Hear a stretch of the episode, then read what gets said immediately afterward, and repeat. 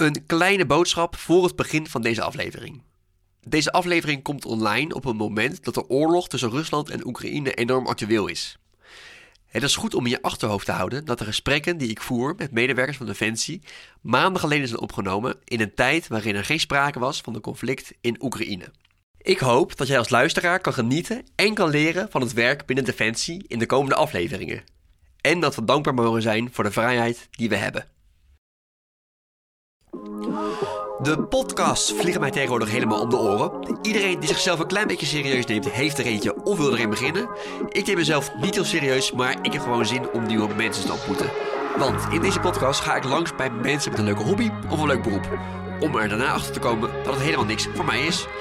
Mijn naam is Matthijs Vrolijk en dit is Vrolijk tussen de mensen.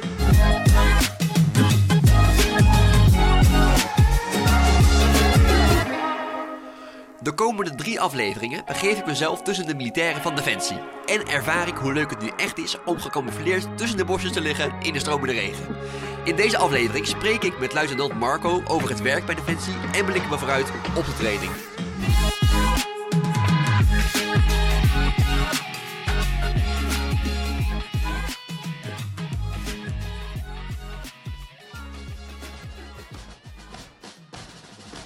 Hoe is het met de sfeer hier zo? Ik denk dat ik het beter aan jou kan vragen. Ja, ik voel me echt heel slecht. Charlie, Bravo 1, over. Echo hier, Charlie, Echo niet gehoord, uit. Je hebt eigenlijk eerst soldaat, dan Ja. corporaal, dan heb je de sergeant, sergeant-major en adjudant. Dat zijn Ja. de onderofficieren. En daarna komt de officier. Oké, en, en de maarschalk? Marschalk die hebben we niet. Die, eh, die niet? Nee, die bestaat niet bij ons. Die bestaat met strategen. All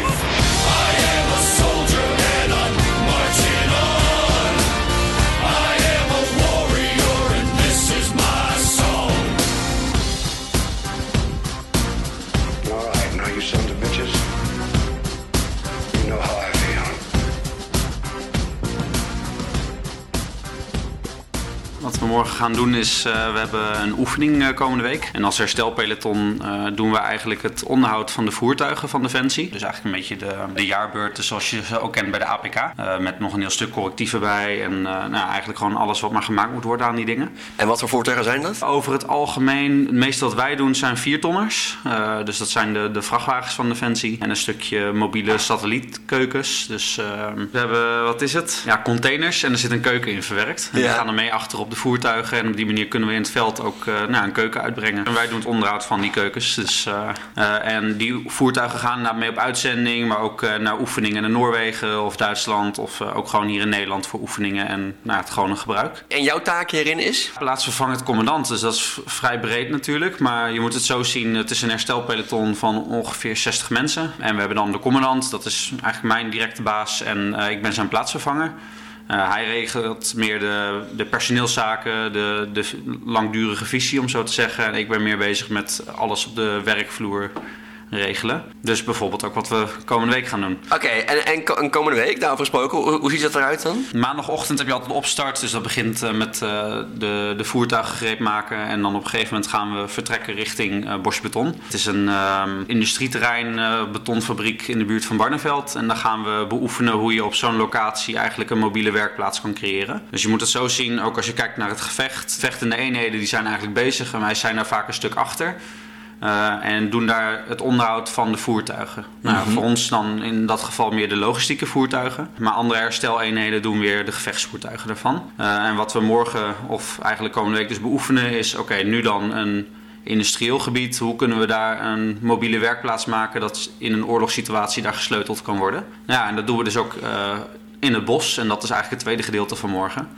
Uh, want we beginnen op een industrieel gebied en daarna gaan we naar een bosgebied. Dus hoe ga je in het bos uh, je voertuigen zo wegzetten dat niemand ze kan zien en dat we kunnen gaan sleutelen? Defensie is niet uh, iets ontstaan deze week, maar weten jouw lui dat nog niet hoe dat werkt? nee, zeker wel. Maar je moet het ook voorzien. Vaak zie je dat de, de jongens met ervaring ook wel doorgaan naar een volgende functie. En wij krijgen vooral veel nieuwe lui binnen ook. Um, en ondanks dat je blijft trainen, zie je toch, je moet het blijven herhalen. Want het is net zoals veel andere dingen.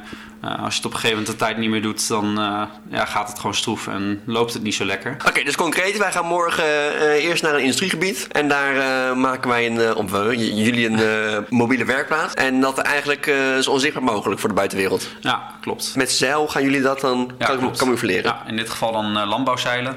Eh, maar normaal gesproken bijvoorbeeld ook in het bos, wat we daarna gaan doen, gebruiken we camouflagenetten. Dus dan eh, rijden we het voertuig eigenlijk tussen de bomen totdat je hem al nou ja, minder ziet. Eh, en daarna met camouflagenetten ga je proberen zo een scherm te maken dat je nou, van een afstand niet meer ziet dat er een voertuig staat. En, en zijn jullie daar echt de hele dag mee bezig? Want het, het klinkt een half uurtje werk en dan gaan we lekker naar huis. Maar dat, Eh, eh, valt tegen, nog denk wel ik. tegen. Maar eh, ja, twee uurtjes denk ik ongeveer, zeg maar, voor het eh, inregelen van zo'n werkplaats. En, en waarom eh, moeten we dan morgen om half zes hier eh, vertrekken? Omdat we om 7 uur appel hebben. Dus eh, nou, het is een stukje rijden die kant op. Dan vervolgens eh, ga ik nog starten met eh, in de wapenkamer wat dingen gereed maken voor eh, als de rest allemaal bezig gaat. En, en, waarom beginnen de defensiemedewerkers dan zo vroeg? Kunnen ze niet gewoon hun kantoortijden aanhouden? Of? ja, we werken eigenlijk gewoon standaard van 7 tot eh, kwart voor 5. En dan vrijdag eh, wat korter. En op die manier een 40 uurige werkweek. En eh, hoeveel strepen heb jij? Ik heb één ster. Eén ster. Oh, ja, in, in sterren werken Ja, jullie. klopt. Ja, ja verschilt. De, vaak zie je de, de manschappen onderofficieren hebben strepen over het algemeen. En bij de officieren van de landmacht in ieder geval zijn sterren. Wanneer krijg je een tweede ster? Eh, dat is na twee jaar. Dat is eigenlijk gewoon een, eh, een blokbevordering heet dat. Dus na twee jaar, als je goed functioneert wel, dan krijg je je tweede ster erbij. Ja. Eh, dan word je eerste luitenant en dan kunnen mensen zien dat je wat ervaring opbouw hebt gehad. Eh, en daarna bij je derde ster, dan word je kapitein. Dus dan zit je alweer eh op de stoel van mijn baas nu eigenlijk. Hey, en eh, morgen een lange dag. En als dank daarvoor heb je voor mij een kleine maaltijd eh, geregeld al. Ja, kijk, ik dacht eh, het is toch wel leuk om een beetje mee te krijgen wat wij aan voeding normaal gesproken eten op zo'n week. Ja. Ja, kijk, ehm, omdat wij doen best wel veel met voertuigen. Dus in een oefening zoals deze hebben we eigenlijk gewoon eh, bij onze keuken, bij de kazernes, dat we het eten Ik hoorde, ik, hoor- maar ik hoor net een verhaal over een keukenblok. Eh, Ja. eh, Ja. Ik krijg hier een, een, een zak vol met, met, met eh, ja, klopt, met opwarmmaaltijden. Precies. zo maar zeggen. Maar is dat morgen mijn, mijn maaltijd? Ja, kijk, je kan kiezen wat je wil, want dit, dit is er. Maar we hebben ook gewoon broodjes en wat is het, warm eten s'avonds. Oké. Maar ja, het is wel natuurlijk zo als we ehm, op het moment dat je 也些。Nou, weggaat eigenlijk bij de kazernes in de buurt en echt diep het bos induikt, dan wordt het lastig om eh, nou, het brood te rijden, dat soort dingen. Maar ook gewoon in oorlogssituaties. Oké, dus dit, dit is echt zo- zo- zo'n klassiek, eh, of klassiek, eh defensiemaaltijd ingepakt in, Plastic. in plastic zakken. Ja. Hoe smaakt dat? Even Ja, voor mijn beeld. ehm, best, best goed. Het Best goed. Voor, ja, zoals ik zei, Dan één, dat. twee dagen is het leuk. Ik merk wel, als je het een week eet, dan raak je het op een gegeven moment zat. Vooral vaak omdat dezelfde maaltijden beginnen te roleren. Er is wel wat verschil in keuze, maar het wordt ook allemaal verpakt in dezelfde dozen. Dus als je een beetje pech hebt, dan krijg je een doos mee met... eh, de hele week relatief hetzelfde eten. en dan is het eh, veel eh, in rode saus. Zeg maar. Dat is een beetje het geheim van hoe ze het lekker proberen te maken. Oké, precies. Het, geheim zit in de rode saus. Ja, precies. Dit heet een wolpakket, heet het dan. Dat is warm ontbijt en lunch. En even kijken, wat hebben we er allemaal in zitten? Nou, we hebben hier bijvoorbeeld het ontbijt. Dit zijn twee zakken. Eentje met instant havermout en eentje met eh fruit Maar moet je daar nog melk bij gooien? Of, of- Hier eh, gooi je alleen warm water bij. Oh, oké. Alles is eh, met warm water Ja, te maken. ja, dus eh, s ochtends vroeg dan kruip je je tentje uit en dan zet je het gasbrandertje aan. Of nou, ja, als je dat niet hebt, helaas de soort aanmaakblokjes waarmee je water kan opwarmen. Ja. Ehm, en dan giet je hier warm water bij en dan kan je je ontbijtje eten. En, en waar kopen mensen dit? Maar of mensen die luisteren, kan je dit ergens in de supermarkt halen? Dit, of is het echt bij de fancy Dit is specifiek wel defensiewinkels. Ze verkopen het wel bij de Bever.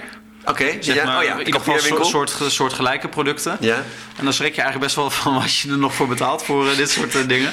Ja. Dat zou ik echt niemand aanraden om dat te betalen voor eh, zoiets. Dus de smaak, smaak-prijsverhouding is niet helemaal... nee, dat is, je kan beter dan toch wel wat anders meenemen. En voor morgen, wat, wat, wat, wat ga ik allemaal meemaken, denk je? Ja, wat ga jij meemaken? Ik denk wat voor jou vooral heel leuk is om een stukje beeld te krijgen. Maar ook nou, bijvoorbeeld maar eens mee te helpen gewoon met die camouflage net. Om eens te kijken of je zo'n eh, dingetje een beetje kan opspannen. En als jij eh, niet eh eh, voertuigen staat- te camoufleren in het bos, wa- wa- wat doe je dan met je werk? Ja, dan de materiële zaken en, oh, en of opleiden en treden. Dus dan ben ik vooral bezig met dit soort weken bijvoorbeeld voorbereiden. Je ziet stiekem zit er toch wel veel voorbereiding aan vast. Want het is nou, 50 man die meegaat, zoveel voertuigen. Eh, locaties regelen, logistiek eh, dingen regelen. Nou, de hele eh, randzaken eromheen. Oké, en heb je, heb je zin in, in morgen en komende week? Ja, ja, ja, ik vind dit de mooiste week altijd. Dit, ja, met z'n allen lekker het bos ingaan of oefenen. Dat, dit is uiteindelijk waarvoor we doen, vind ik. daarvoor werk je bij Defensie. Dat hoor je ook veel bij ons van jongens die zeggen... anders had ik wel bij de QuickFit gewerkt of een andere autozaak. Die Ja. uiteindelijk toch ja, dat pak aandoen en ergens in het bos eh, dingen gaan doen. Ja. Ben, ben je morgen zelf ook gecamoufleerd of niet? Eh, ja, ja, ja, zeker. Gaan we allemaal in de modder liggen en eh, strepen op ons, ons richt eh, sminken?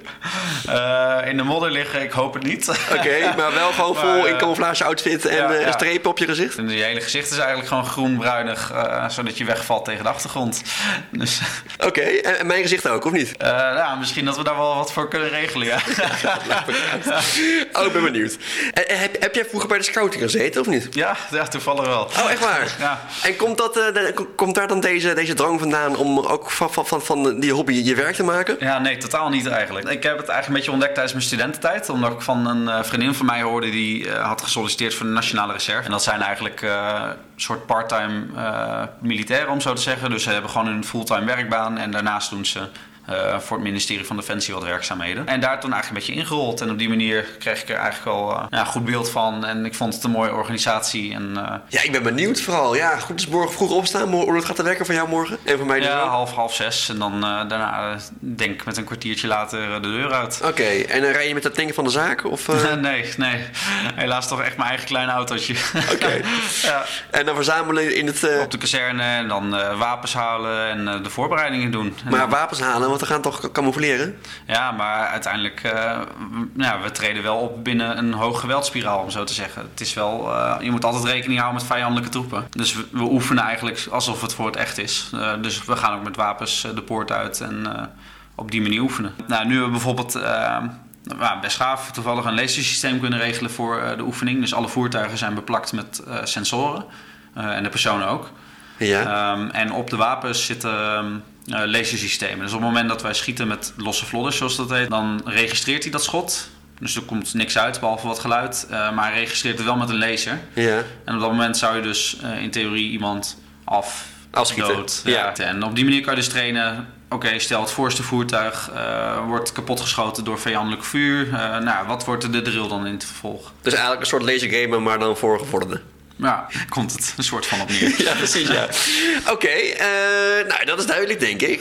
En, en morgen beginnen we met een appel. Dat is half zeven, zeven uur. zeven Ja. uur. En dan, en dan staan de manschappen klaar eh, in, in de houding en dan zing je het volkslied? Of? Nee, het appel is eigenlijk vooral een stukje overzicht voor de commandant. Om mededelingen te doen ook. Even kijken, is iedereen aanwezig? Het is wel inderdaad volgens bepaalde procedures. Dus nou, de, de kapitein roept dan een rapport. En dan vervolgens gaat eh, iedereen in de houding staan. En krijgt hij even te horen van de verschillende groepscommandanten weer. Of er bijzonderheden zijn. Dus of er mensen te laat zijn, ziek zijn. eh, nou ja, overige zaken. Eh, en dan vervolgens doet hij zijn praatje met wat we die dag gaan doen. Of wat er allemaal staat te gebeuren. En eh, kan iedereen aan de slag gaan. En als, als je morgen iemand niet ziet op appel, eh, is hij dan goed gecamoufleerd of is hij dan afwezig? Dan is die denk ik afwezig. Oké. Ja, ja. Nou, top Marco, ik ben benieuwd. Morgen sta ik eh, naast jou om half zeven naast je bed, half zes. En dan ga ik het meemaken. Je gaat het zien.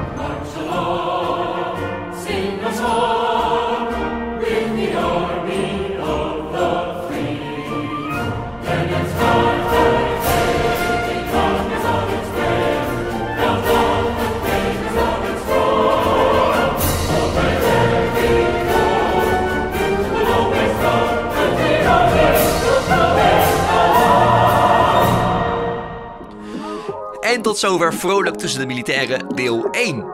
Hartelijk dank voor het uitluisteren, dat waardeer ik enorm. Over twee weken kan je luisteren naar deel 2 van dit verhaal. Als je nou denkt, hey, deze podcast is leuk, dan zou ik het enorm waarderen als je een aantal sterren geeft in je podcast-app of als je je abonneert. Dat helpt mij weer om door meer mensen gevonden te worden. En voor de rest kan je natuurlijk ook deze aflevering delen met al je defensievrienden. En als je dat toch doet, volg mij dan ook eventjes op Instagram. Daar heet ik Vrolijk Tussen de Mensen. Daar vind je de gezichten achter deze afleveringen en kan je mij een berichtje sturen als je een idee hebt voor een toekomstige aflevering. Of gewoon om te laten weten wat je van deze podcast vindt. Voor nu, bedankt voor het luisteren en blijf een beetje vrolijk.